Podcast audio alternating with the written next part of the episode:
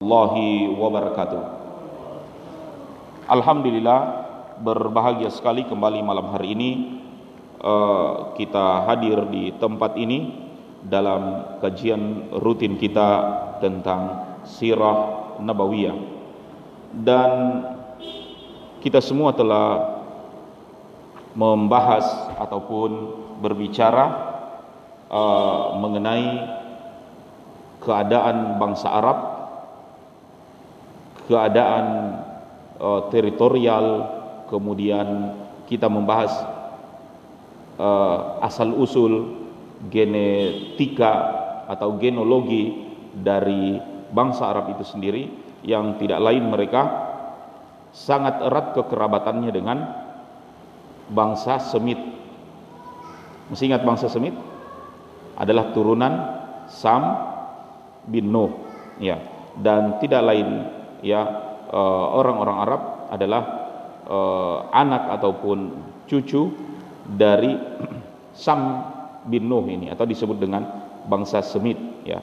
Olehnya uh, ketika menyebut bangsa Semit bukan hanya orang-orang Yahudi saja ya yang disebut dengan Semit tapi orang-orang Arab itu sendiri adalah termasuk Semit. Dan jamaah sekalian dirahmati Allah Subhanahu wa taala, malam hari ini kita akan melanjutkan kajian kita tentang agama-agama yang dipeluk ataupun dianut oleh orang-orang Arab.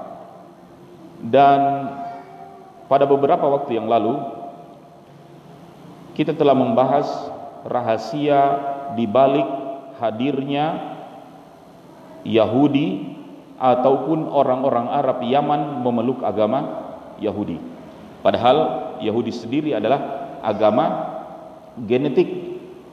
Bagaimana bisa orang Arab Yaman mereka menganut Yahudi? Padahal Yahudi sendiri turun jauh di sebelah utara Syam, sedangkan Yaman ada di selatan.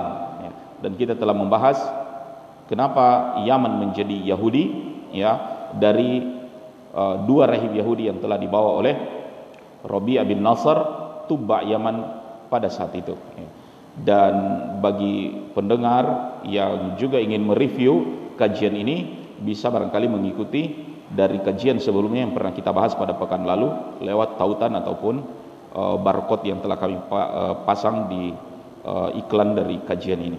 Malam hari ini kita akan bertanya kenapa Yaman Sebagian penduduk Yaman pun memeluk agama Nasrani. Yahudi dan Nasrani ini dua agama yang dipeluk oleh orang Yaman ataupun orang Arab ketika Rasulullah SAW diangkat menjadi Rasul. Rasulullah SAW tatkala mengutus Muaz bin Jabal untuk berdakwah ke penduduk Yaman yang diseru oleh Nabi SAW kepada Muaz, Inna kata'ati ila ahla kitab sesungguhnya engkau datang kepada ahli kitab. Falyaj'al awwalu ma tad'u ilaihi syahada la ilaha illallah. Hendaklah engkau jadikan dakwah pertama kepada mereka yaitu la ilaha illallah.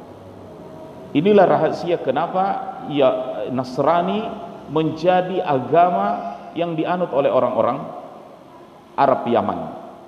Sama dengan Yahudi agama Nasrani pun jauh turunnya di utara sana di Syam atau Baitul Maqdis di Bethlehem ya. Bagaimana mungkin bisa dipeluk oleh orang-orang yang jauhnya seperti Yaman yang berada di kaki dari benua ataupun uh, di bagian selatan dari uh, Asia ya. Kalau antum lihat di peta uh, Asia Barat pada saat ini.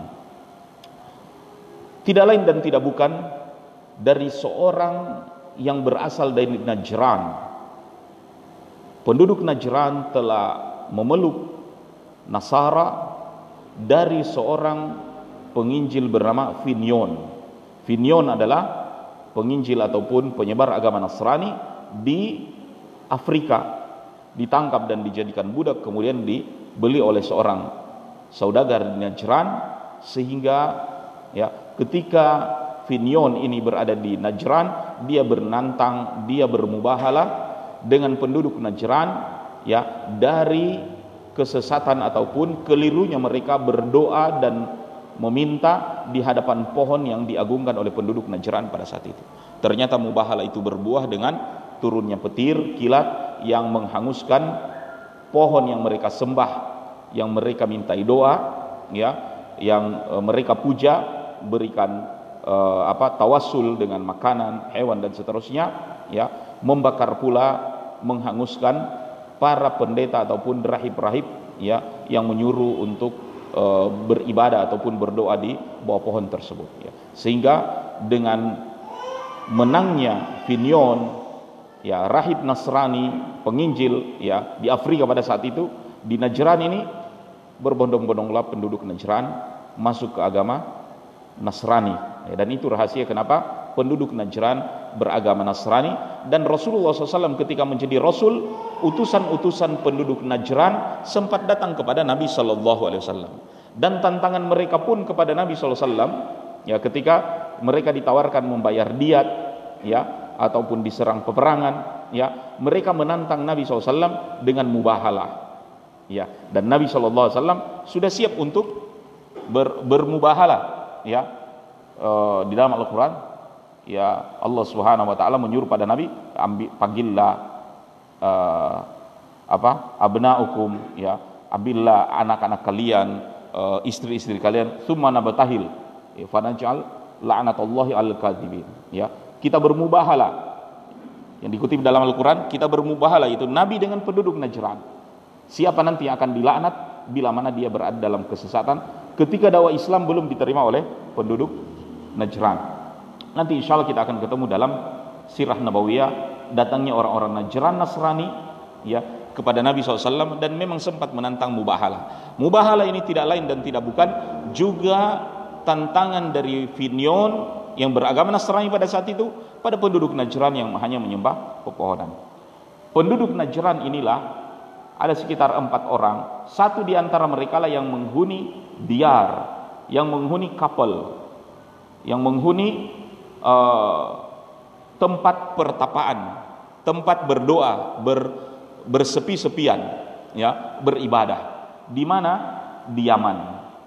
Ya, biara atau kapel inilah yang disinggahi seorang gulam yang memenangkan audisi untuk menjadi murid dari seorang penyihir di kerajaan ya Zunuas raja Yaman yang memerintah pada saat itu dan Eh, sedikit tentang kenapa Yahudi menyukai klinik, menyukai jibti wat tagut, menyukai magic, ya e, artinya penghitungan bintang-bintang dan e, seterusnya, ya itu Al-Qur'an sendiri telah membocorkannya. Termasuk Zunuas yang lebih tertarik kepada sihir, ya e, dan ada penyihir dari Zunuas ini karena sudah tua rentah, maka dia minta untuk segera dicarikan murid, dicarikan pengganti yang akan meneruskan ilmunya.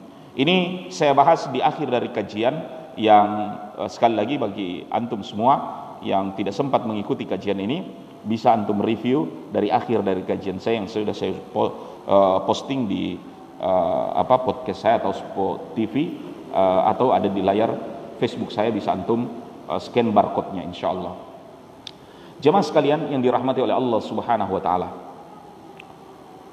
Akhirnya sang pemuda yang belajar ilmu sihir dari penyihir raja Zunwas Yaman pada saat itu bolak-balik antara biara rahib yang berasal dari Najran pada saat itu yang berada di, di Yaman dengan rumah ataupun istana dari dukun dukunnya Raja Zunwas sehingga kadangkala lama-lama dia diam di biara rahib ini sering kali dia terlambat dari menghadiri pelajarannya penyihir dukun.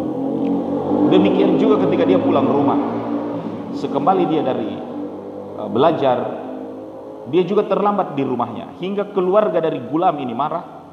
Demikian juga dengan ya penyihirnya juga ini marah. Kenapa banyak terlambat ternyata terlambatnya itu durasi waktu yang besar dimanfaatkan untuk talaki, untuk belajar, untuk menimba hikmah, menimba ilmu, menimba tauhid dari ya rahib pemilik diar ya uh, yang beragama Nasrani itu.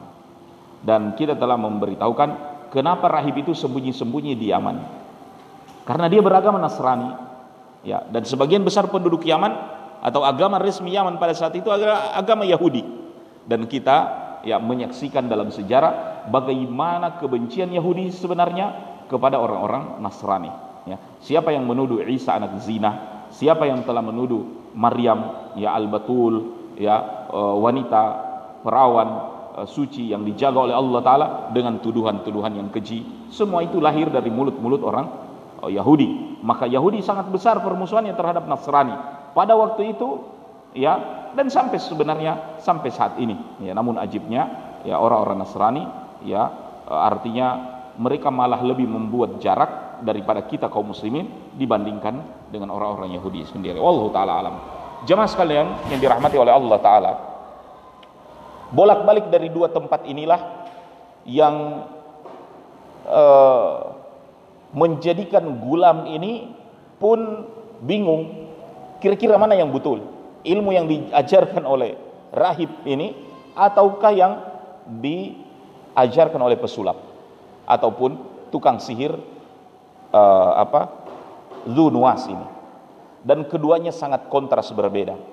Alim dan rahib alim dan abid di biara ini mengajarkan kejujuran uh, berpasrah diri kepada Tuhan berdoa hanya kepadanya berharap ya berbuat baik kepada manusia menolong adapun sang dukun ya penyihirnya Zunuas mengajarkan tentang berdusta, bagaimana menyulap, bagaimana menipu, bagaimana memanipulasi, bagaimana menyebarkan ketakutan dan seterusnya. Ya, sehingga tidak akan mungkin menyatu di dalam diri seorang antara keimanan, antara tauhid dengan ya uh, dukun ataupun setan seperti itu. Hingga suatu hari sang gulam pergi ke pasar, orang-orang pun ke pasar dan mereka terhalang. Jalan mereka karena dihalangi oleh seekor dabah seekor hewan mungkin saja buas sehingga tidak ada orang berani lewat. Ketika mereka melihat gulam ini langsung mereka mengatakan nah ini muridnya penyihir istana.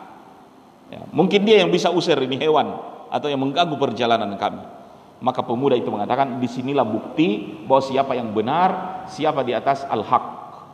Maka pemuda ini mengatakan saya akan membacakan ismul azam nama-nama Tuhan yang mulia yang diajarkan oleh rahib tadi ya dari kejahatan dari keburukan dari halangan dabah atau hewan yang menghalangi orang-orang pergi. Maka dengan ucapan bismillah ya dengan nama Tuhan dengan nama Allah taala yang memiliki kemuliaan kekuatan keberkahan pada saat itu ya dabah yang menghalangi orang-orang yang lewat tersebut hilang ataupun pergi Nah, orang-orang mulai mengatakan, hebat sekali ini murid penyihir. Baru belajar, tapi dia so bisa kasih lihat DP, DP ilmu.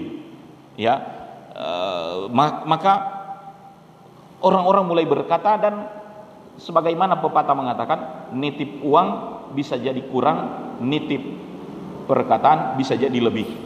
Akhirnya orang sudah bercakap-cakap hingga tersebar, tersiar kehebatan, kesaktian, keampuhan dari pemuda ini. Maka siapa pun yang sakit, siapa pun yang ada keluhan, mulai berbondong-bondong datang kepada pemuda ini. Ada yang minta diobati, minta ditiup, minta disiram air, minta jodoh, minta dan seterusnya. Tapi apa yang dikatakan pemuda ini? Pemuda ini yakin karena doa yang dia bacakan ketika melempar dabba tersebut adalah nama Allah, memohon pertolongannya, ya berinabah kembali kepadanya, pasrahkan kepada Allah taala urusan itu. Dan itu pula yang diajarkan kepada orang-orang yang datang. Jadi ditata tauhidnya ya, ditanamkan tauhid, keyakinan kepada Allah, dia ada, dia yang menciptakan, dia memberi makan, dia memberi kehidupan, dia memberi rizki. dia yang menurunkan penyakit, dia pula yang mendatangkan obat, dia yang mendatangkan urusan, dia pula yang memberi kemudahan. Tauhid dan keyakinan kepada Allah Ta'ala hidup di hati seorang maka dengan permohonan dan doa inilah Allah Subhanahu wa taala kabulkan membuat orang-orang yang datang itu sembuh. Ya. Membuat orang-orang yang datang itu sembuh karena diajarkan doa, diajarkan ruqyah, ya, diajarkan uh, menyembuhkan minta kepada Allah Subhanahu wa taala. Makin banyak orang yang sembuh. Sampai penyakit-penyakit yang mustahil waktu itu. Tapi bisa sembuh. Ya. Dan ini semua adalah karomah. Ya. Kemuliaan yang Allah taala berikan ketika seorang itu beriman dan bertakwa kepada Allah Subhanahu wa taala. Karomah itu tidak perlu dipelajari. Karomah itu tidak perlu akan ya. Karena dia adalah pemberian dari Allah taala cuma-cuma. Bagi hambanya yang takwa bagi hambanya yang beriman ala inna awliya Allah la khaufun alaihim wa lahum yahzanun. Ulaika humul muttaqun. Ya? Ulaika humul mu'minun wa kanu yattaqun. Wali-wali Allah taala tidak ada ketakutan tidak ada kesedihan di dalam hati mereka. Tidak ada ketakutan terhadap dunia ini jangan sampai ya menyebabkan rezeki mereka mau habis gara-gara beriman pada Allah. Tidak ada takut terhadap dunia. Tidak ada khawatir juga terhadap akhirat ya sebab mereka berharap surga Allah Subhanahu wa taala di akhirat nanti ya. Ini uh, Allah taala akan berikan karomah. Jadi karomah ini tidak dipelajari. Kalau ada orang yang bilang, eh mau kasih lombo besi, in DP cumu-cumu, ya. Eh, supaya berwudu pakai air baterai, begini DP amalan, ya kan? Puasa sekian hari, ya kan? Baca kulhu 20 ribu kali dan seterusnya. Amalan-amalan yang membuat kita santai, yang membuat kita sakti, ya sekali lagi sakti tidak dipelajari, sakti tidak diminta, namun kesaktian ataupun karoma pemberian cuma-cuma dari Allah Subhanahu wa taala. Kalau dia seorang bertakwa, contoh karamah yang diberikan itu adalah kepada Maryam. Ya, binti Imran, ibunda dari Isa alaihissalam. Kullama dakhala 'alaiha Zakaria wajada indaha rizqa. Setiap kali Zakaria masuk ke dalam mihrab itu ada rezeki buah-buahan yang bukan musimnya di kamar Maryam. Maryam tidak ada amalan khusus mendatangkan buah-buahan itu. Annalaki hada. Dari mana ini Maryam? huwa min indillah. Dia dari Allah Subhanahu wa taala. Ini karomah. Ya, pemberian yang kalau kita tolong agama Allah, kalau kita dakwakan agama ini, kalau kita peluk agama ini, kalau kita amalkan agama ini, ya, intang surullah yang surkum. Ya, Allah taala akan tolong kalian. Pertolongan itu cuma-cuma. Adapun kalau yang dipelajari ya uh, mau jadi sakti, mau jadi hebat, ya, jalan di atas air, terbang di udara, uh, apalagi memakan beling, besi, lidah mau apa coret-coret ataupun ya disembeli-sembeli dan seterusnya. Jamaah sekali dirahmati Allah, jasakal khair. Ilmu seperti itu, ilmu yang dipelajari, kesaktian yang dipelajari itu itu bukan karomah. Namun bisa saja dia istidraj. Ya, istidraj izin Allah Istidraj itu izin Allah. Namun istidraj ya izin Allah kepada syaitan ya untuk memberikan kepada yang memiliki empunya amalan itu. Supaya apa? Supaya dia yakin dengan kesesatannya, dengan kebidahannya. Ustaz, tidak ada minum darah di sini. Ya, tidak ada ritual makan mayat di sini. Cuma puasa kuat. Cuma sholat. Cuma ada sholat. Ya, cuma boleh minum. Oke, semua itu amalan baik. Karena syaratnya kau harus jadi sholat, puasa, tidak boleh lagi minum. Namun bukankah engkau telah menukar niatnya? Tadinya engkau sholat, tidak mengharapkan kesaktian. Tadinya engkau puasa, ikhlas karena Allah. Tidak perlu menjadi hebat.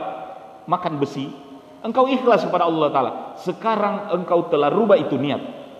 Karena kau jaga sholat, kau jaga puasa, ya, kau tidak minum supaya kau makin sakti. Ya, di situlah kita telah menukar inna solati wa nusuki wa mahyaya wa mati lillahi rabbil alamin telah kita tukar kepada Allah subhanahu wa ta'ala keikhlasan di dalam ibadah dengan pamri dengan jasa dengan balasan dari Allah. Apa? Kesaktian. Maka kita gadaikan ya. Kata Allah taala kata Rasulullah SAW ya lewat hadits qudsi Allah taala berfirman man amila amalan asyraka ma'i ghairi taraktuhu wa syirkau Siapa yang mengejarkan, siapa yang mengerjakan amalan ya, asyraka ma'i gairi, ada niatan selain aku. Salatnya lillah, tapi sekarang pingin kabal. Asyraka ma'i gairi, ada niatan syirik, ada niatan persekutuan selainku. Taraktu wa syirkahu, maka aku tinggalkan amalannya. Ya, Ustaz, kan dikabulkan. Jadi kabal juga saya. Ya. Kau dapatkan semua itu yang kau niatkan di dunia itu. Tapi apa di akhirat masih dapat? Ya, Rasulullah SAW katakan, kalau engkau melihat seorang yang berada dalam kenikmatan, tapi terus dia berbuat maksiat, ketahuilah bahwa itu istidraj. Ya, makanya tidak heran kalau orang mengatakan Ustaz, jadi dukun itu kaya-kaya, orang naik Ferrari. Ya, biar itu yang so kere-kere sekali dapat lihat, tapi kaya raya orang. Betul. Ya, tidak ada seorang dukun pun fakir ya rata-rata antum bisa ukur dari batu akiknya ya bukan KW-KW nya itu ya artinya dari batu akik saya antum lihat mahal itu jamrut ya kan? Akik dan bacan. Jemaah sekali dirahmati Allah ya. Namun kata Rasulullah SAW jikalau engkau melihat seorang dalam kenikmatan dunia maksudnya sehat umur panjang kuat kaya, ya, harta melimpah, anak banyak, eh, sukses, teman-teman pejabat semua, ya, tapi tidak pernah sholat, ya, tidak pernah mengaji, kufur, ya, eh, kejam terhadap dakwah, mencela, eh, mempidana, ya, para dai di jalan Allah Subhanahu Wa Taala, ya, artinya jauh dari agama Allah Taala itu istidraj namanya dalam agama. Dialah istidraj. Istidraj itu dialami oleh Ya'juj dan Ma'juj. Di hari kiamat nanti, Ya'juj dan Ma'juj dia so minum semua air. Dia so makan semua yang hijau. Dia so makan semua. Ya, kita ini eh, makan dan hidup tinggal dari zikir. Subhanallah, alhamdulillah, la ilaha illallah, Allahu akbar. Ya, Ya'juj dan Ma'juj sekuasai semua seluruh permukaan bumi. Sehingga mereka mengatakan karena dalam Al-Qur'an disebut Ya'juj dan Ma'juj ya mingkul lihadabiyan silun. Dari semua penjuru mereka turun. Ya, memakan semua sumber daya yang ada di muka bumi ini. Dia taklukkan dunia ini, tidak ada satu pemerintahan pun, tidak satu kekuasaan pun bisa menghadapi Ya'juj dan Ma'juj. Dan ini bala. Ini adalah ujian dari Allah Subhanahu wa taala di hari kiamat nanti. Sehingga ketika mereka telah taklukkan bumi, mereka bilang tinggal penduduk langit yang belum terang dapat kalah. Maka sekarang kita arahkan anak panah, kita tembakkan ke langit. Anak panah itu mereka lepas melesat ke udara, tidak lama kemudian anak panah itu jatuh. Ya, gravitasi menariknya dan anak panah itu ber, berlumuran darah. Sehingga mereka mengatakan itu soluka-luka semua malaikat. Ya, sudah mereka lukai Tuhan, malaikat dan semua penduduk langit. Dia bilang sokala dorang di atas sana. Darah atau apa pun yang dilihat oleh Yajuj dan Majuj tidak ada yang kena malaikat Allah Subhanahu wa taala tidak. Tapi takdir Allah menjadikan itu panah berlumuran darah supaya Yajuj dan Majuj yakin dengan kesesatan mereka. Sehingga mereka itu tidak bertobat dan memang mati dalam keadaan kufur kepada Allah Subhanahu wa taala. Demikian juga dengan orang yang ingkar kepada Allah. Bila mana seorang sengaja berbuat bid'ah, sengaja berbuat kekufuran, sengaja berbuat syirik, ya, ada yang dinamakan azab dipercepat. Ya, Allah Subhanahu wa taala yumahilhum. Allah taala biarkan dorang dengan semua kelalaian itu. Ya, dengan dengan semua kekufuran mereka itu, ya. Supaya apa? Supaya akhir hayatnya tidak bertobat tidak beristighfar, yakin dengan kesesatannya, akhirnya mati di dalam kekufuran dan jamaah sekali dirahmati Allah sudah jelas ke mana mereka akan pulang. Ya, ya innal ladzina kafar min ahli kitab wal musyrikan fi nari jahannam khalidina fiha abada. Ya, supaya mereka kekal di dalam neraka tersebut. Ini jamaah sekali dirahmati Allah sehingga selalu kita istighfar kepada Allah di dalam hidup ini kalau kita orang sudah lalu senang diberikan nikmat semua doa diijabah sisakan sedikit kekhawatiran ya Allah jangan kasih semua di dunia ini kalau kita orang baik dan balasan dari al jaza min jinsil amal kalau kebaikan dan balasan dari apa yang kita amalkan kita semua ini dimudahkan urusan jangan dulu dikasih semua di dunia. Allahumma la aisha illa aisha akhirah. Kata Rasulullah SAW ya Allah ya berikanlah kami kehidupan. Kehidupan yang sebenarnya itu kehidupan akhirat. Jangan dulu setor di dunia semua ini kebaikan ini. Ini selalu berhitung-hitung dengan nikmat dan kemudahan dari Allah. Jangan sampai mengurangi jatah akhirat. Ini senantiasa yang ditangisi oleh Abdurrahman bin Auf. Abdurrahman bin Auf antum setahu sahabat yang paling kaya raya apa pun yang dijual laku. Dan itu betul-betul seorang entrepreneur. Ya uh, pengusaha sejati yang orang bilang dia tidak mau laku pak dia laku. Ya kan? Uh, artinya pengusaha itu kan bukan orang yang cari kerja tapi orang yang bikin pekerjaan orang yang bikin usaha apa pun. Orang bilang mustahil dia bisa. Ya kan? Sampai-sampai orang bilang air dia mau jual. Jadi air udara dia mau jual. Baking udara. Artinya dia bungkus udara. Saya macam-macam idenya. Bisa dipahami? Abdurrahman bin Auf seolah-olah di zaman itu dikatakan kalau dia bongkah batu kalau dia giling batu dia ya uh, bala kamari begini niscaya dia bisa rubah jadi emas. Artinya apa? Itu ke wirausahawan ya entrepreneurnya Abdurrahman bin Auf. Kekayaan melimpah ruah ya sehingga kadangkala dia menangis terlihat menangis sedih. Kenapa? Dia bilang ya sahabat-sahabatku ya uh, Abu Darda orang-orang yang di awal-awal masuk Islam bersamanya berjuang ya dia selalu menangis Abu Darda ya yang masuk Islam di awal-awal juga mereka waktu dikafani ditutup kepalanya kakinya terbuka mau ditutup kaki kepala tak buka. Saking tidak cukup itu kain kafan. Artinya dalam hidup di dunia ini semiskin-miskinnya orang bisa dihitung dari kain kafannya yang tidak cukup itu mau kafani. Ya karena hele mau bawa bungkus akan dia mati so tidak cukup itu kain berarti so betul-betul kefakiran. Ya. Baru dia bilang sudah melimpah hartaku seperti ini jangan sampai cuma di dunia ini aku ya Artinya so dibalas di dunia ini semua kebaikanku terhadap Islam. Semua kebaikanku terhadap agama so dibalas di dunia sehingga tidak tersisa lagi di akhirat. Menangis Abdurrahman bin Auf. Ya, Aisyah radhiyallahu taala anha mengetahui hal itu kata ber, eh, mengirimkan pesan kepada Abdurrahman bin Auf karena memang Abdurrahman bin Auf sepeninggal Rasulullah SAW seluruh istri Rasulullah SAW ditanggung beliau ya eh, apa keperluan mereka ya keperluan hidup ya fasilitas hidup. Bahkan dihajikan di semua diberikan subsidi. Ahlu bait Nabi SAW oleh Abdurrahman bin Auf. Tapi mendengar hal itu Aisyah mengatakan kasih tahu pada dia aku mendengar dari Nabi SAW bahwasanya Abdurrahman bin Auf ya dia akan masuk surga tapi datang dalam keadaan merangkak.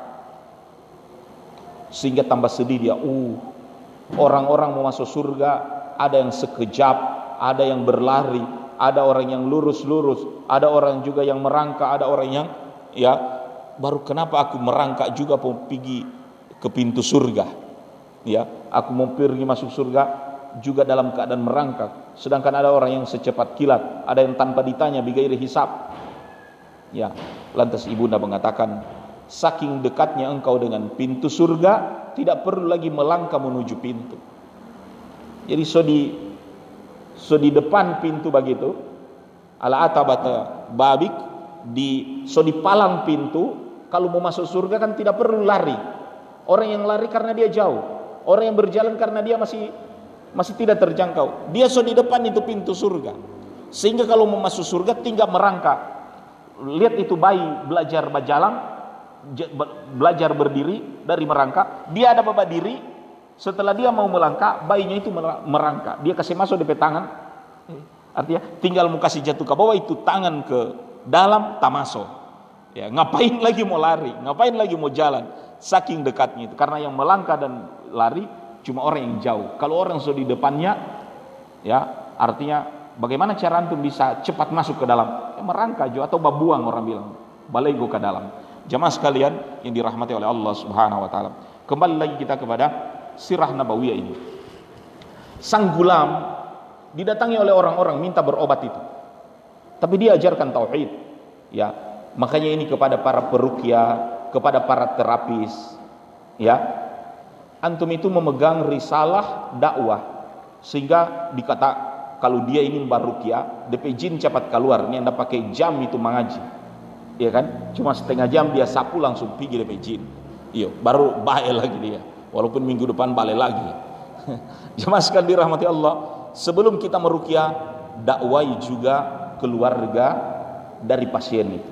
Ya bila mana tidak menutup aurat di situ suruh tutup dorang pe aurat. Bila mana dorang ya masih menyetel ya rock and roll dan seterusnya ya bilang so boleh berhenti ini. Ya kan? Uh, tukar juling mengaji.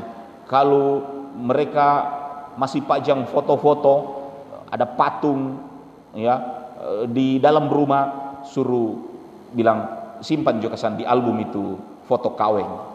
Ya kan? So dari tahun 80 ada kaweng dari DP nenek foto kaweng baru DP papa sekarang lagi so DP anak so tiga generasi foto kaweng penuh itu dinding. Eh isi juga sana di album. Ya kan? Isi di lamari karena namanya saja kenangan. Masa kenangan kau tiap hari mau lihat? Iya kan? Sehingga kasih lucur jo itu semua foto wisuda dan seterusnya isi saja di album jadi sebuah album kenangan keluarga. Daripada dipajangkan semua tinggal di situ DP jin. Makanya sebagian orang yang foto yang pamer-pamer itu foto di rumah ya kadangkala orang jaga dapalia itu foto jaga tertawa. Senyum iya kan? Kalau malam-malam dia lihat ih siapa DP mata bak kedip? Eh itu bukan ente tahayal ya karena ada yang tinggal di situ ikhwan dirahmati Allah Subhanahu wa taala. Makanya supaya tidak jadi tempat tinggal jin dan seterusnya, tutup jus ke sana semua itu. Ya, artinya uh, lebih aman mungkin kalau memang antum sayang simpan jo di album, ya kan? Taruh di lamari dan seterusnya. Itu kan buat nanti warisan di orang-orang datang kemari, nanti mau lihat-lihat itu kenangan dulu. Begitu ceritanya. Daripada mau tempel-tempel. Jamaah sekalian dirahmati Allah sang gulam ini perkenalkan tauhid, keimanan sehingga tersohor banyak orang yang datang berobat sama dia. Tapi itu didakwai, diobati, sembuh. Hingga terdengar di kerajaan Zunwas. Kehebatan dari murid sang penyihir itu. Makanya ada beberapa orang di kerajaan itu, bahkan penasehat sang raja. Penasehat sang raja itu tunanetra, bukan orang yang awas melihat. Sehingga dia dengar lebih baik kita mau coba. Karena ini mata ini so semua pengobatan so coba.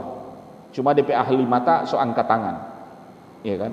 Akhirnya dia coba ke pemuda itu dia datang bawa dengan hadiah satu kendaraan penuh emas perak makanan buah-buahan dan seterusnya. Dibawa kepada gulam dan dia mengatakan sama dengan orang mau datang cari kerja atau melamar apa biasa naik kamari oto iya kan? So punung DP rekening kau dia bilang kasih lulus akan kita pe anak kenapa ini kunci nama ini rekening. Cuma sekali dirahmati Allah Subhanahu wa taala. Dan ini menunjukkan bahwa uh, pegawai dari istana Zunuas ini korup biasa menyuap. Sebab dia datang kepada pemuda itu dan mengatakan kalau engkau bisa menyembuhkan aku maka semua hadiah ini bagimu ya. dan semua ini bagimu dan seterusnya. Pemuda ini mengatakan bukan aku yang menyembuhkan. Ya kau tidak perlu kasih. Kau saja yang berdoa. Ya yang penting minta kepada Allah. Bukan minta kepada saya. Ya minta kepada Allah berdoa perbaiki dirimu istighfar taubat jangan makan riba jangan membuat kezoliman jangan menerima suap jangan. Pokoknya taubat kepada Allah. Maka hikmah yang disampaikan pemuda ini ya diamalkan oleh ya uh, pegawai penggawa kerajaan Dunuas ini maka dengan izin Allah kembali pandangan matanya ya artinya cahaya di matanya kembali dan dia bisa melihat. Makanya jamaah sekalian dirahmati Allah dalam sebuah rapat hadir semua penggawa istana termasuk penasehat ini raja kaget karena sang penasehat ya soda palia. Wah soda palia dia bilang iyo dapat lihat warna. Iya. Dia bilang betul ini semua. Pokoknya semua yang ada di dalam kerajaan disuruh lihat dia bisa lihat. Oh, betul ini. Karena sebagian juga ada yang pura-pura tidak dapat lihat cuma mau dapat lihat doi di mata terang. Ya kan? Kalau kasih lihat doi dia bilang tar, tarang di mata tapi kalau selain doi dia bilang dia tidak dapat lihat. Ini semua doi ataupun bukan dia dapat lihat terang. Jemaah sekalian maka raja ini yakin berarti betul-betul dia dapat lihat. Kalau begitu dia bilang siapa yang menyembuhkan? Dia bilang itu ya murid penyihir itu. Kamu lamari malam kita pergi. Ya, dia suka kasih tahu kemari. Minta kepada Allah. Ya berdoa kepada Allah. Berikan kesembuhan dan Allah Ta'ala beri kesembuhan kepadaku. Raja Nuwas ini lama tidak pernah mendengarkan kata-kata tauhid. Itu permohonan, eh, permintaan hanya kepada Allah. Karena selama ini orang menghambadikan diri kepada penguasa, kepada sang raja. Apa-apa yang perlu Tuan Raja tahu itu. Ya, artinya sudah rajanya menyelamatkan, sudah rajanya memudahkan urusan dan seterusnya. Baru kali ini ada orang yang menyandarkan satu urusan bahwa Allah Taala yang mengizinkan. Selama ini kan kalau bukan bapak, jemaah sekalian, itu bahaya dari pengkultusan kepada seseorang. Ya, apalagi menyangkut hajat hidup kehidupan. Kalau kita sandingkan pada dia kehidupan, kematian, ya, rezeki, sakit, sehat, ya, maka menjadi Fir'aun orang. Ya, dan ketika orang jadi Fir'aun, susah kembali kepada keimanan kepada Allah. Makanya penduduk Mesir, penduduknya Fir'aun, susah mereka beriman kepada Musa. Karena semua-semuanya ditanggung Fir'aun. Ya. Kalau bukan Al-Quran yang mengatakan Musa adalah Nabi, ya, Fir'aun adalah musuhnya, niscaya headline surat kabar hari ini mengatakan bahwa teroris Musa ya telah membuat kekacauan terhadap ya negerinya Firaun seperti itu ikhwan. Ya untung Al-Qur'an yang menjelaskan ini sehingga bisa zahir mana yang hak dan mana yang batil ya. Makanya kita jangan pernah putus asa dalam berdoa Allahumma arinal haqqa haqqa warzuqna tibaa warinal batila batila warzuqna ajtinaba. Raja ini menginterogasi dari mana kata-katamu? So ajaran apa ini? Dari mana ini kalimat tauhid yang ini tidak pernah ada di kerajaannya? Kesolehan ya kepasrahan uh, artinya mendasarkan sesuatu kepada Tuhan yang Maha Esa. Karena selama tahapus itu ya landasan di dalam berpikir bertindak dan berpasrah kepada Tuhan yang Maha Esa. Selama dihapus itu kira-kira baru tiba-tiba kau kembali dengan ya ucapan seperti itu. Dari mana itu? Ya selama itu terhapus ya sampai orang sendiri sudah tidak pernah ingat itu selidik punya selidik ternyata kata-kata itu didapat dari pemuda. Pemuda ini dari mana? Penyihir bilang tidak pernah aku ajarkan. Akhirnya pemuda itu didatangkan ditanya jamaah sekalian dirahmati Allah Subhanahu wa taala ya diintimidasi pemuda ini dari mana dia dapatkan ajaran itu? Ya akhirnya mereka bisa tahu bahwa pemuda ini artinya dari uh, intel dari mata-mata mengetahui dipelajari fi, uh, fisiologi dan seterusnya. Artinya uh, dipelajari pemuda kira-kira dari mana dia didapatkan? Rutenya. Jadi so ada perekaman Google Maps-nya. Oh dia ini salah lokasi ini. Curiga ini ada di sini DP sinyal kuat ini. Sore-sore ada sih maka sinyal itu memancar ternyata dia dari masjid ini. Dari guru ini. Sehingga ditangkaplah orang yang ada dalam karena dialah ya sang penyebar, sang uh, pembawa ideologi, sang jamaah sekali dirahmati Allah, penerobos dan seterusnya ditangkap gurunya. Pemuda gulam ini cuma lihat DP guru sotaika dan sompi potong.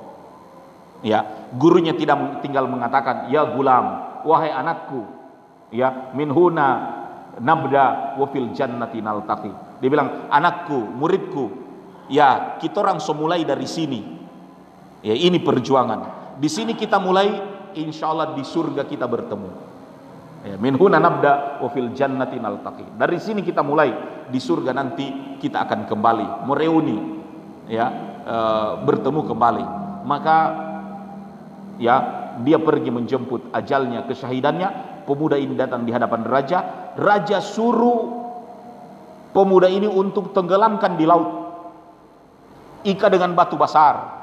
Sampai di tengah laut mau dijatuhkan pemuda ini, tiba-tiba datang gelombang besar, memecahkan perahu, semua tenggelam. Ya, dibawa ombak ke tepian, yang selamat masih hidup cuma pemuda ini. Semua penggawa kerajaan itu perahu-perahunya bocor, tenggelam semua. Tinggal pemuda ini sampai di tepi pantai. Dia datang lagi ke raja. Raja bilang tidak jadi mati. Dia bilang nyanda. Baru mana orang yang babunuh sama dia? Takdir dari Allah mereka mati. Karena kehidupan itu Allah yang menentukan. Ya, jamaah sekalian dirahmati Allah Subhanahu wa taala. Akhirnya raja suruh tangkap dia. Dia bilang kalau mungkin dia ini kabal air. orang bilang mungkin DP orang ini kabal air artinya susah mau mati di, di air ya atau di laut coba pi kasih jatuh jo dia di jurang di atas gunung ya artinya yang bahkan lemparkan jo di lahar panas tidak ada air di situ dibawa ke atas gunung ya mau dijatuhkan di jurang ternyata datang pertolongan Allah. Selamat ini pemuda orang-orang yang mau mendorongnya yang mati. Pulang lagi dia ke kerajaan mengatakan alhamdulillah saya sehat walafiat. Orang yang berniat buruk pada saya mati semua. Baru raja bilang doh setengah mati ngana mau mati dang? Kira-kira kurang mau bikin apa dia bilang mau mati. Pemuda bilang kau hanya ingin aku mati? Raja bilang iyo so dua kali ada bunuh kau tidak mau mati. Ya berapa ngana nyawa? Dia kita cuma punya nyawa satu dari Allah Ta'ala. Kalau engkau menginginkan kematian mudah saja bagiku. Mudah saja. Yang penting engkau menuruti kata-kataku. Kata raja aku akan laksanakan protap bagaimana supaya kau mati. Sebab kenapa? Pengikut pemuda ini dari hari ke hari bertambah. Yang sakit ataupun tidak sakit. Bahkan orang-orang di awal yang sembuh mulai menjalankan keyakinan menyebarkan apa yang diyakini oleh pemuda. Apa yang diyakini oleh pemuda? Ya, agama dan keyakinan yang dianut oleh gulam ini adalah agama Nasrani, antitesa dari Yahudi yang ada pada saat itu.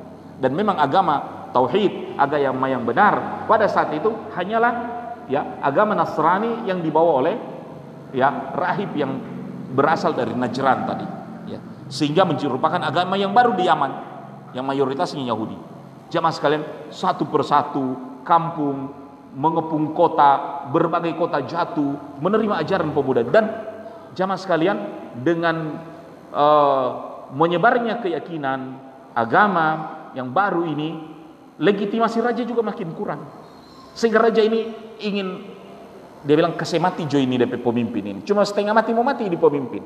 Gulam ini.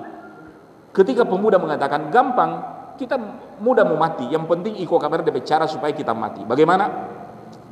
Kata pemuda, kumpulkan semua rakyat di alun-alun, di lapangan yang besar.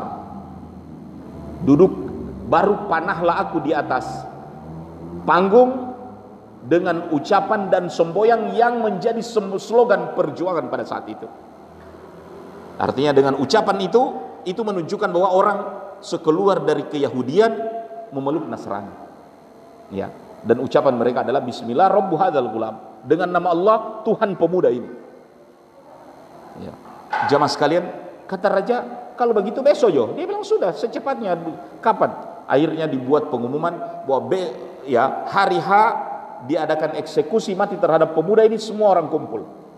Pencintanya maupun uh, pemuja maupun pembencinya, haters dan likersnya berkumpul di alun-alun itu. Semua menyaksikan ya. Sang pemuda itu sudah uh, artinya sosiap ya. Artinya dengan keadaan yang disebut. Raja itu pura-pura dia mau panen yang mau mati. Itu panahan.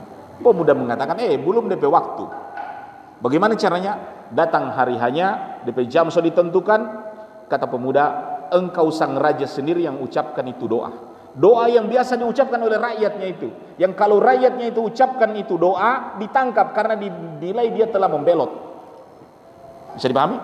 Ya, hari ini kadang-kala simbol-simbol itu bukan ucapan, bisa saja lambang tangan, ya kan, DP salam, hatta sama dengan musim-musim kampanye, hele model basiram kopi, orang bilang ini pihak fulan. iya kan? Jadi Jamaah sekali dirahmati Allah, dari salam sapanya dapat tahu oh ini anggotanya siapa. Nah, salam sapanya pemuda inilah yang diajarkan kepada raja itu. Dia bilang panahlah aku dengan panah emas, ya, begini modelnya, ya, bidik di jantungnya, ucapkan bismillah. Diucapkan kecil, ini anda mati. Pemuda bilang kecil lebih suara, coba pakai mic, kasih umumkan ya, supaya didengar oleh semua bahwa raja sendiri setelah mengucapkannya maka jamaah sekali dirahmati Allah ya pemuda tersebut menunggu ajalnya disebutlah bismillah rabbu hadzal gulam melesatlah anak panah ke jantung dari pemuda. Pemuda ini tertusuk di jantungnya ya sesak nafasnya berhenti detaknya terbang ruhnya ya kembali kepada Allah ya ayhatan nafsul mutmainnah irji ila rabbiki radiyatan mardiyah fadkhuli fi ibadati wa dukhuli jannati. Semua rakyat mendengar bahwa kehidupan kematian ya Allah Subhanahu wa taala penentunya. Dan ini Allah taala berkehendak mematikan orang mati. Bismillahirrahmanirrahim maka berbondong-bondong rakyat ya yang tadinya Yahudi yang tadinya menyembah atau percaya kepada dukun yang tadinya ya tidak beriman berbondong-bondong masuk ke dalam agama Nasrani, agama tauhid yang ada pada saat itu rajanya panik. Kiapa semua raja semua rakyat sudah ganti agama. Sebukang DP peng, pe, DP pengikut. Ya, jamaah sekali dirahmati Allah. Ya, ini juga menunjukkan sebesar-besarnya ente mendapat dukungan, suatu saat nanti dukungan rakyat itu hilang. Ya, Lihatlah bagaimana legitimasi Fir'aun, bagaimana legitimasi Zunuwas berangsur artinya tumbang. Ya, e, ayat kekuasaan itu bunyinya Qulillahu malikal mulki tu'til mulka man tasha wa tanzi'ul mulka mimman tasha. Katakanlah Allah taala pemilik kerajaan. Tu'til mulka man tasha. Allah memberikan kekuasaan kerajaan kepada siapa yang dia suka. Tapi kalimatnya watan zau mimman tasha. Watan zau itu dan Allah mencabut bukan mengambil. Karena kekuasaan kalau diambil siapa pun yang berkuasa mau diambil dia tidak mau. Tapi Allah Ta'ala mau cabut. Cabut itu mau cabut sampai DP akar-akar. DP tim sukses, DP orang-orang, DP pendukung. Dan antum melihat bagaimana pergantian rezim per rezim. Ya, bukan hanya pemimpinnya yang tumbang, tapi sodeng DP akar-akar. Waktu Kadafi jatuh, bukan hanya Kadafi yang mati, DP orang-orangnya juga tak cabut. Orde lama di Indonesia saja orde lama misalnya, Soekarno tumbang, semua yang ada indikasi dengan orde lama. Apa menteri luar negerinya, eh, Suban Rio menteri kesayang Soekarno, tak hukum mati. Iya kan? Sampai dengan lurah, sampai dengan camat, tak cabut sampai di akar-akar. Hilang orde lama, tak ganti orde baru. Ya, kita juga melihat kemarin bagaimana ketika datang orde reformasi, semua yang namanya orde baru tak cabut semua ya dan itu kehebatan Allah taala mengganti kekuasaan. Jadi bukan hanya pangkas di kepala tapi semua tercabut. Ya. Raja Zunuas uh, hilang kerajaannya. Semua rakyat tidak lagi percaya. Jamaah sekali dirahmati Allah dalam keadaan panik apa yang dia lakukan? Ya dan ini bahaya orang yang tidak beriman pada Allah.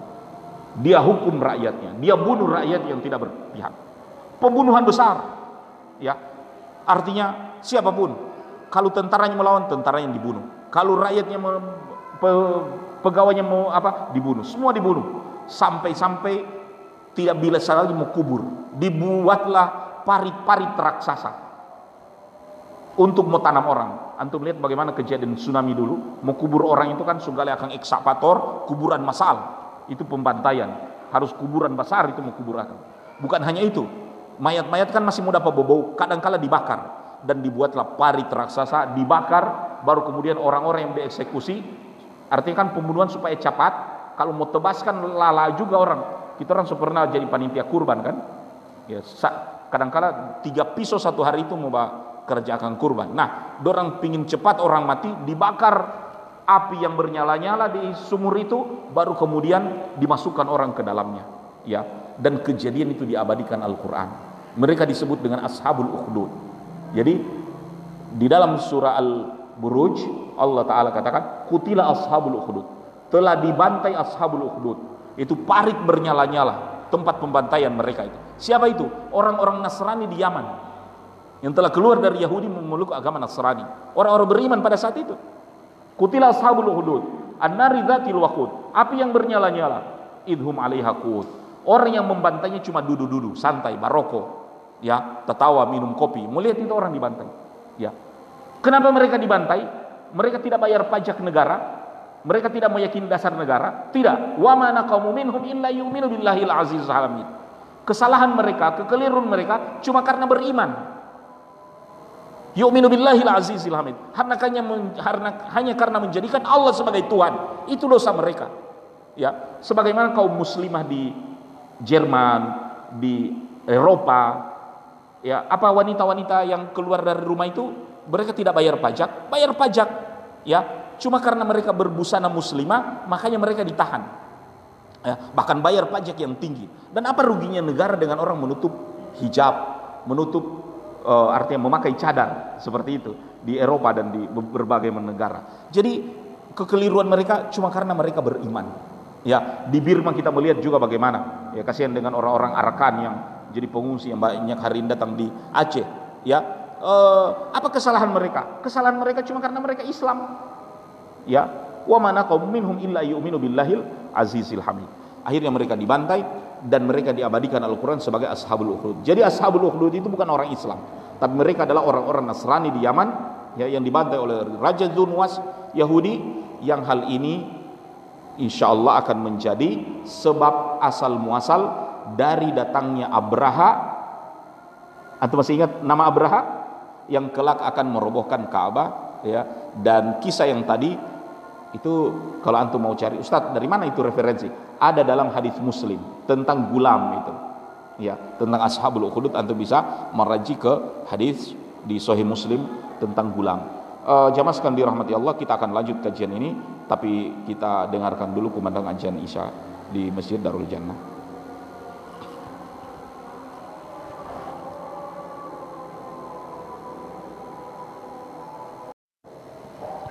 Bismillah, alhamdulillah, wassalatu wassalamu ala Jamaah Masjid Darul Jannah yang dirahmati Allah subhanahu wa ta'ala. Uh, Antum bertanya atau saya lanjut materi? Lanjut saja? Baik. Sebelum kita uh, apa? Sebelum kita melanjutkan ataupun masuk di komat nanti Maka saya insya Allah akan uh, apa? Lanjutkan kajian sirah ini. Dan bagi antum juga sebagai pendengar kalau ada yang mau ditanyakan silakan uh, komen ataupun tanya di uh, komen di bawah ini insya Allah syukran jazakal khair kepada semua yang tidak sempat saya sebut satu persatu yang telah mendengarkan, melike dan uh, menyebarkan uh, kajian ini insya Allah. Jemaah sekalian dirahmati Allah Subhanahu wa taala. Pembantaian Ashabul Ukhdud itu adalah sebuah peristiwa besar. Ya, yang dialami oleh orang-orang Yaman yang berpindah dari ya agama Yahudi yang telah bercampur dengan klinik dengan uh, dukun dengan ya dan Al-Qur'an sendiri menyebut ya keyakinan mereka al, bercampur dengan al-jibti wat tagut ya bercampur dengan klinik dan uh, sejenisnya ya. Alam tara ilal ladzina utu nasiban minal kitab kata Al-Qur'an tidakkah kalian lihat orang-orang yang diberi Alkitab itu Yahudi yu'minuna bil cibti wat tagut mereka lebih percaya kepada klinik kepada dukun ya dan uh, togut apa yang disembah selain Allah Subhanahu wa taala ya. Uh, wa yaquluna lil ladzina kafaru haula'i ahda minal ladzina amanu sabila.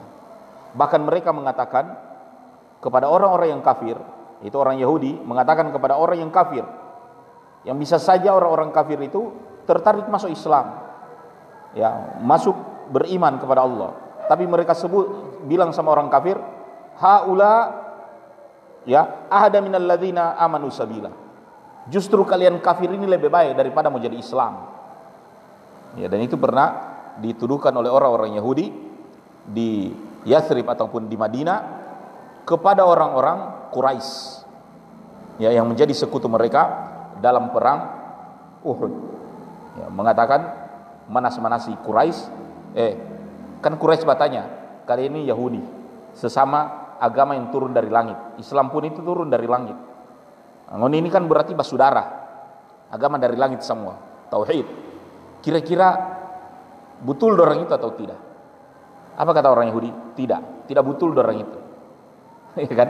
Kalian ini yang betul. Wa ya. Nah perlu untuk dijelaskan. Saat kenapa agama Nasrani tapi orang beriman? Karena dalam Al-Qur'an innal ladzina fatanu innal ladzina fatanul mu'minina wal mu'minat tsumma lam yatubu falahum adzabu jahannam wa lahum adzabul hariq. Sesungguhnya orang-orang yang telah menyiksa orang-orang beriman. Ya, di, ditulis di situ orang-orang Nasrani orang-orang yang beriman, bertauhid kepada Allah. Jamaah sekali dirahmati Allah, semua agama yang turun dari Adam alaihissalam sejak Nabi Nuh alaihissalam sampai Nabi Muhammad sallallahu alaihi wasallam ini agama itu adalah agama tauhid. Penyembahan kepada Allah Taala satu-satunya. Namun ketika penyembahan kepada Allah, apa itu penyembahan? Semua nabi mengajarkan tauhid yaitu berdoa dan minta hanya pada Allah. Jangan minta pada manusia, jangan minta pada malaikat. Jangan minta kepada ya siapa pun yang kalian anggap dekat dengan Allah. Doa hanya untuk Allah taala. Ya, ibadah, doa dan ibadah hanya untuk Allah. Doa dan ibadah itu doa, permintaan hanya untuk Allah Subhanahu wa taala, jangan pada yang lain. Namun di zaman Nabi Nuh, orang dari sejak zaman Nabi Adam tahu berdoa hanya minta pada Allah, mereka selewengkan permintaan. Kepada siapa? Wad, Suwa, Yaguth, Yauq, Nasr. Pada orang-orang soleh di zaman itu. Sama juga dengan Bani Israel. Bani Israel ini cucu dari Ibrahim. Israel itu Nabi Yakub, Isra, Abdul, Il, Eli, Allah, Abdullah. Siapa Abdullah? Yakub. Yakub itulah yang disebut Israel. Agama mereka agama Ibrahim yang Hanif. Ya, ayah cu, eh, ayah mereka Ishak. Ayah dari eh, Yakub, Yakub anaknya Ishak, Ishak anaknya Ibrahim. Agama Ibrahim turun kepada Ishak, turun kepada Yakub yang Israel namun anak-anak Israel ini ketika Musa datang, kenapa Musa diutus kepada mereka? Karena mereka sudah mulai menyembah, berdoa kepada sapi betina.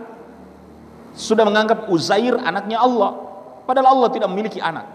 Makanya Allah Subhanahu wa taala datangkan Musa. Musa luruskan kembali keyakinan itu. Ya, mereka hanya dia hancurkan sapi ya, Samiri ya, dipadamkan keyakinannya Samiri ya ditenggelamkan juga Firaun yang mempertuhankan diri sendiri sehingga penduduk Mesir kembali beriman pada Allah. Ya namun ketika Musa pergi ya datang lagi orang jadikan Uzair anaknya Allah. Ya e, mereka selewengkan lagi tauhid. Ya maka datang Isa bin Maryam untuk benarkan keyakinan Bani Israel. Ya apa yang diajarkan Isa hanya berdoa, minta kepada Allah Subhanahu wa taala. Luruskan tauhid dan pemahaman. Ya. Makanya jemaah sekali dirahmati Allah, hanya 600 tahun ketika Isa tinggalkan dan belum sampai 600 tahun. 600 ke tahun kemudian datang Rasulullah SAW di belakang daripada Isa. Kenapa jemaah sekali dirahmati Allah? Karena di tahun 300-an ya ataupun di tahun 531 Saya minta maaf kalau tidak tepat menyebut tahunnya. Ya, antara 371 dalam konsili Nikea ya, mereka telah memutuskan bahwa Tuhan ada tiga. Ya, mengalahkan ya eh, keyakinan karena dalam konsili itu diputuskan Raja Konstantin mau tanya ya apa keyakinan kita ini ya Keyakinan yang biasa sudah dianut oleh bangsa pagan Romawi, bangsa pagan Romawi mempertuhankan Tuhan Bapa, Tuhan Anak, ya. Mereka mempertuhankan Zeus, ya, mempertuhankan ada anak, memper mereka bangsa Romawi jamaah sekali dirahmati Allah, bangsa pagan, ya, percaya kepada banyak Tuhan, ya. Oleh karenanya terpecah uh, dogma tersebut, apa kita menganut ya jamaah sekalian dirahmati Allah seperti yang dipahami dan diyakini ya oleh orang-orang Romawi ataukah bersama dengan bangsa ya Arius pengikut Arius. Arius siapa? Arius adalah dan orang-orangnya adalah orang-orang yang hanya berdoa menyembah minta kepada Allah Subhanahu wa taala yang tidak pernah menganggap Isa sebagai anak Tuhan ataupun Tuhan itu sendiri. Ya, tapi mereka menjunjung tinggi bahwa Isa bukan manusia biasa karena datangkan Rasul. Ya, Konsili Nikea memutuskan ya Trinitas itu sendiri. Saya dipahami ikhwan sehingga jamaah sekalian sekali lagi tauhid penyembahan beribadah kepada Allah Subhanahu wa taala semata tercemar lagi. Ya makanya datang Rasulullah SAW membenahi tauhid itu. Rasulullah SAW katakan,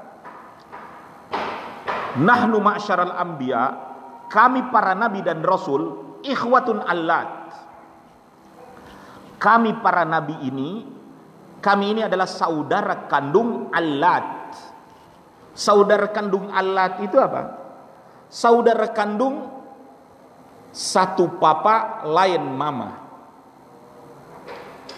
Jadi biar ada lima, tujuh, dorang pe mama, tapi dapat tahu dorang dari akar yang satu. Papa mereka cuma satu. Makanya dorang biar ada empat atau lima atau tujuh dorang pe mama, dorang pe pam semua. Cuma pam DP papa. Nah, Rasulullah mengatakan, Nahnu masyarul anbiya, semua nabi, kami para nabi dan rasul ibarat saudara kandung satu papa berlainan ibu. Apa makna dari hadis kami ikhwatun allat, saudara kandung satu papa berlainan ibu dalam istilah bahasa Arab itu ikhwatun allat ikhwatun allat adalah saudara disatukan satu papa tapi berlainan ibu. Kenapa? Kata Rasulullah SAW dakwatu la ilaha illallah. Kami itu saudara kandung satu ayah berlainan ibu dakwah kami satu. La ilaha illallah. Jadi tidak ada nabi dan rasul inti ajaran dan ya penegasan apa yang mereka ajarkan itu yaitu la ilaha illallah menjadikan hanya Allah Subhanahu wa taala sebagai Tuhan satu-satunya. Ya sebagai satu-satunya yang disembah yang dimintai doa oleh Allah Subhanahu wa taala. Dan inilah agama tauhid orang-orang Nasrani yang dibantai oleh orang Yahudi di padang Ukhdud ya yang disebut di dalam surah Al-Buruj tadi ya. Dan jamaah sekalian dirahmati Allah karena kita sedang membahas sirah nabawiyah ini adalah sirah yang panjang. Syukur-syukur dua tahun. Kalau tiap pekan begini satu sampai dua jam orang bahas, syukur-syukur dua tahun hatam. Ya, kalau kalaupun tidak eh, mungkin lebih banyak dari itu. Ya, tapi sabar saya, mudah-mudahan Allah sehatkan kita semua, hidupkan kita semua, ya sehingga kita bisa menghatamkannya insya Allah. Dalam waktu yang akan datang kita akan uh, membahas lanjutan daripada Ashabul Ukhdud pembantaian orang-orang Nasrani di Yaman ini ini yang mengundang Najasyi raja Nasrani yang ada di Afrika Ethiopia untuk menolong saudaranya. Karena dia merasa orang-orang yang dibantai Zunuas Yahudi itu saudara mereka. Ya artinya persaudaraan. Karena sama-sama satu agama walaupun beda warna kulit awalnya mereka minta tolong kepada Kisra yang ada di Bizantium yang ada di di Romawi Timur yang ada di Syam. Tapi Raja Roma mengatakan aduh jauh sekali pergi akan menembus darat. Ya artinya walaupun raja mau menolong tapi dia hitung-hitungan. Kalau pergi itu jauh sekali artinya boba modal akan kira-kira Yaman juga mau bisa mau mengembalikan itu atau tidak? Ya kalkulasi penjajahan itu kan Kenapa Portugis berani datang di Indonesia? Karena orang so hitung hasil panen di Indonesia tambang itu ya artinya biar berapa biji kapal kamari masih boleh beli akan ya, artinya sejauh-jauhnya Belanda dan Portugis tetap datang di Indonesia. Karena orang bilang biar jauh mau jajah ya pulang ongkos dia bilang. Bukan cuma pulang ongkos ganti untung itu bukan ganti rugi.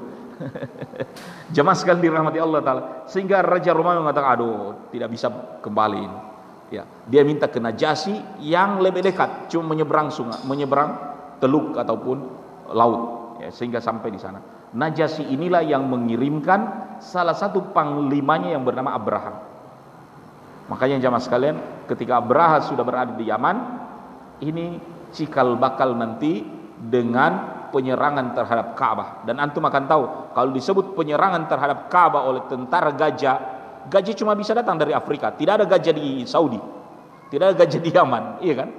Gajah-gajah Afrika yang ditunggangi oleh ya utusan Najasi inilah Cuma sekalian yang kelak akan mempertemukan kita dengan kelahiran Nabi pemilik sirah nabawiyah yang nanti akan kita bahas di waktu yang akan datang. Demikian syukran jazakal khair kepada antum yang telah sudi mendengarkan. Uh, saya doakan pada Allah mudah-mudahan selalu sehat walafiat dan negeri kita selalu dijaga oleh Allah uh, diberi kemakmuran, kesejahteraan, kita semua dilindungi oleh Allah Subhanahu wa taala. Amin ya rabbal alamin. Subhanallah bihamdik asyhadu